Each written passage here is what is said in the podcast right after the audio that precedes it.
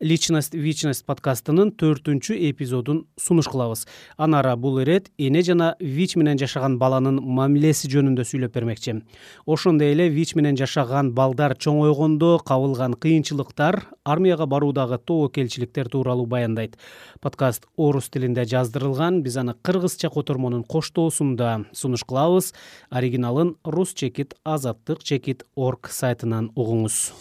Личность вечность здравствуйте с вами снова анара. Саламатсыздарбы? Сиздер менен кайрадан анара жана личность вечность подкасты. В прошлых эпизодах я вам рассказывала буга чейинки эпизоддордо менин балама кызыл кыядагы ооруканада вич жугуп калганы басмырлоолор узакка созулган соттошуу жана медицина кызматкерлеринин күнөөсүн далилдегенимди айтып бергем. и как все таки победила в уголовном суде а сейчас я хотела бы вернуться к первому эпизоду азыр биринчи эпизоддогу бир учурга кайтып түшүндүрмө берип өтүүнү туура көрүп отурам. аял вич менен жашаган баланы эмизгенде оору жугат дебедим беле. бир катар угармандар пикир жазып мен адистер менен ушул темада кайрадан кеңештим. Когда вич пришел в мою жизнь мой ребенок был на грудном вскармливании менин балама ооруканада вич жукканда ал эмчек эмчү анын тамактанышы үчүн жалгыз жолу ушул болчу. Себеби операция маалында хирургдун катасы менен уулумдун нервине зыян тийип чайнап жутуу рефлекси жоголгон. Бирок медиктер ага эмчек эмизбешим керектигин айтып токтотушкан. Ал учурда бул туура деп эсептелчү. Азыркы жаңы протоколдорго ылайык эмчек эмизгенге болот. Бул жакшы жаңылык. Ал эми дагы бир жакшы жаңылык вич менен жашаган аял кесарева менен эмес табигый жол менен төрөсө болот. Эгер баланы кесип алууга башка себептер болбосо жана аял антиретровирустук дарыларды убагында ичип турса болду. Эне бала кадимкидей жашоосун улантат. Эненин сүтүнөн өткөн мыкты азык жок эмеспи. И близость ребенка во время грудного вскармливания ничто не заменит. А еще я вижу что этим снимается огромная финансовая муну менен операцияга жана балдар азыктарына которулчу каражат үнөмдөлөт ошондой эле психологиялык басым азаят. анткени бир топ аялдар туугандарына кошуналарына эмнеге баласын эмизбей жатканынын себебин айта албай түрдүү шылтоо ойлоп жүрүшөт анткени вич экенин ачыкка чыгарбайт. Бул деле дискриминациянын бир түрү болгон. баласын эмизбейби бир мандеми бар деп күбүр шыбыр кеп тарачу угармандарга ушул жааттагы пикир жана суроолор үчүн ыраазычылык билдирем. Я еще раз благодарю вас за обратную связь. Я учусь вместе с вами и узнаю новое благодаря вашим комментариям и вопросам. Личность вечность. Так а я хочу продолжить тему материнства и вич когда я энелик жана вич темасын улантайын. менин баламдын канында вич бар экенин билгенде өзүмдү жоготуп койгонумду мурда айтпадым беле. досторумдун жакындарымдын колдоосу менен басмырлоолорго каршы турдум.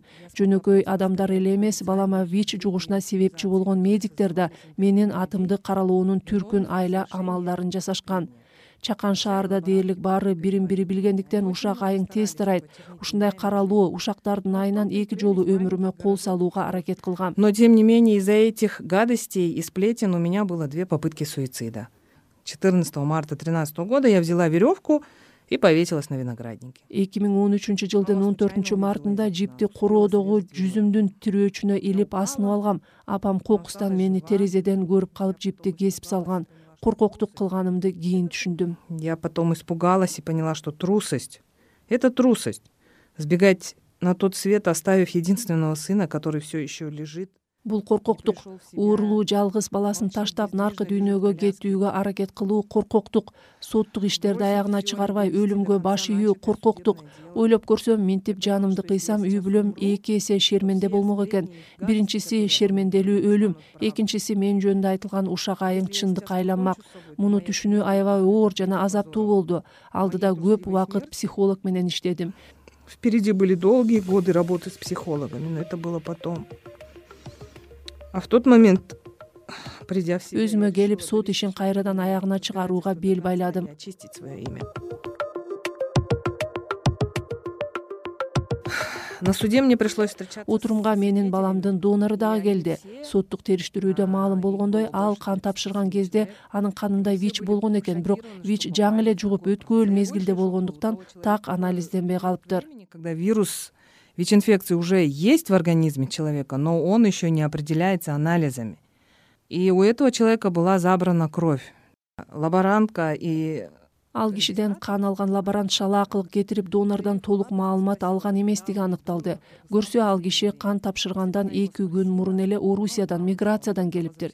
Эгер лаборант жана каттоочу андан акыркы кезде кыргызстандан сыртта болгонбу же жокпу тактап сураганда ал киши ачыгын айтмак андай учурда кан тапшырууга уруксаат берилмек эмес жана менин балама анын каны куюлбайт болчу. Медицина кызматкерлеринин күнөөсү далилденгени менен сотто утуп чыкканыма карабай алар өз орундарында иштеп атышат. Менде суроо шалаакылык кылганы аныкталган кызматкер иштен кетиши керек эмеспи? Иштен кетиши керек. Они все равно работают на своих рабочих местах. У меня вопрос. Обвинительный приговор по статье за халатность разве это недостаточное основание чтобы уволить либо перевести на другое место работы? На мой взгляд да.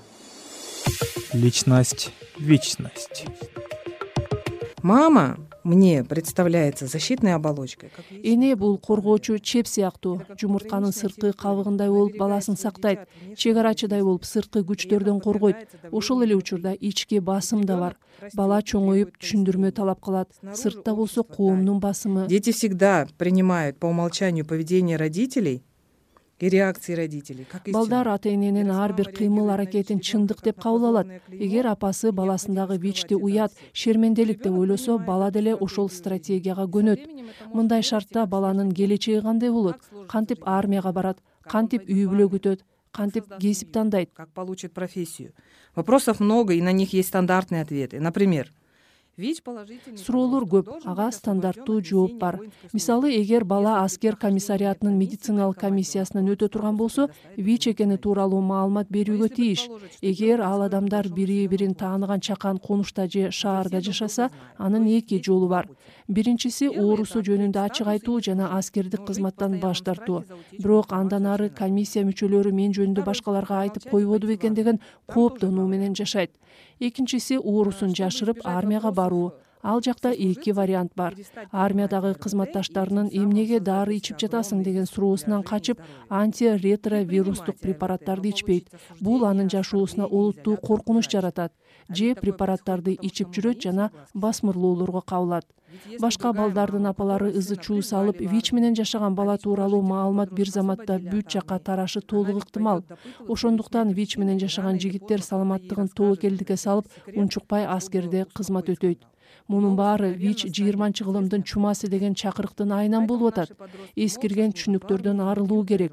Жашоо өнүгүп жатат. Вич пайда болгон кырк жылды айтпай эле коеюн акыркы беш жылда эле канча нерсе өзгөрдү? Даже за последние пять лет много поменялось не говоря уже за сорок лет существования вич.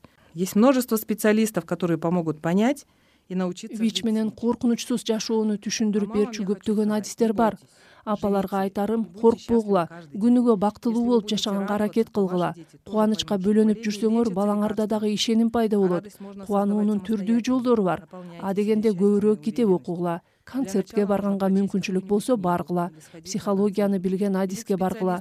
Психолог менен иштешүү дагы өтө зарыл. Если вы будете в гармонии с собой то никому и никогда не придет в голову эгер өзүңүз менен гармонияда болсоңуз башкаларда вич менен жашоо коркунучтуу деген ой жаралбайт. Ошондо гана биз вич өмүр бою дарылана турган кадимки бир оору деген түшүнүктү калыптандыра алабыз сиз личность вечность подкастынын төртүнчү эпизодун уктуңуз. Эмки эпизоддо мен сиздерге саламаттык сактоо министрлигине жана финансы министрлигине каршы доо арыз берип кантип утуп алганымды айтып беремин. В следующем эпизоде я вам хочу рассказать о том как я подавала иск против минздрава и минфина и выиграла этот иск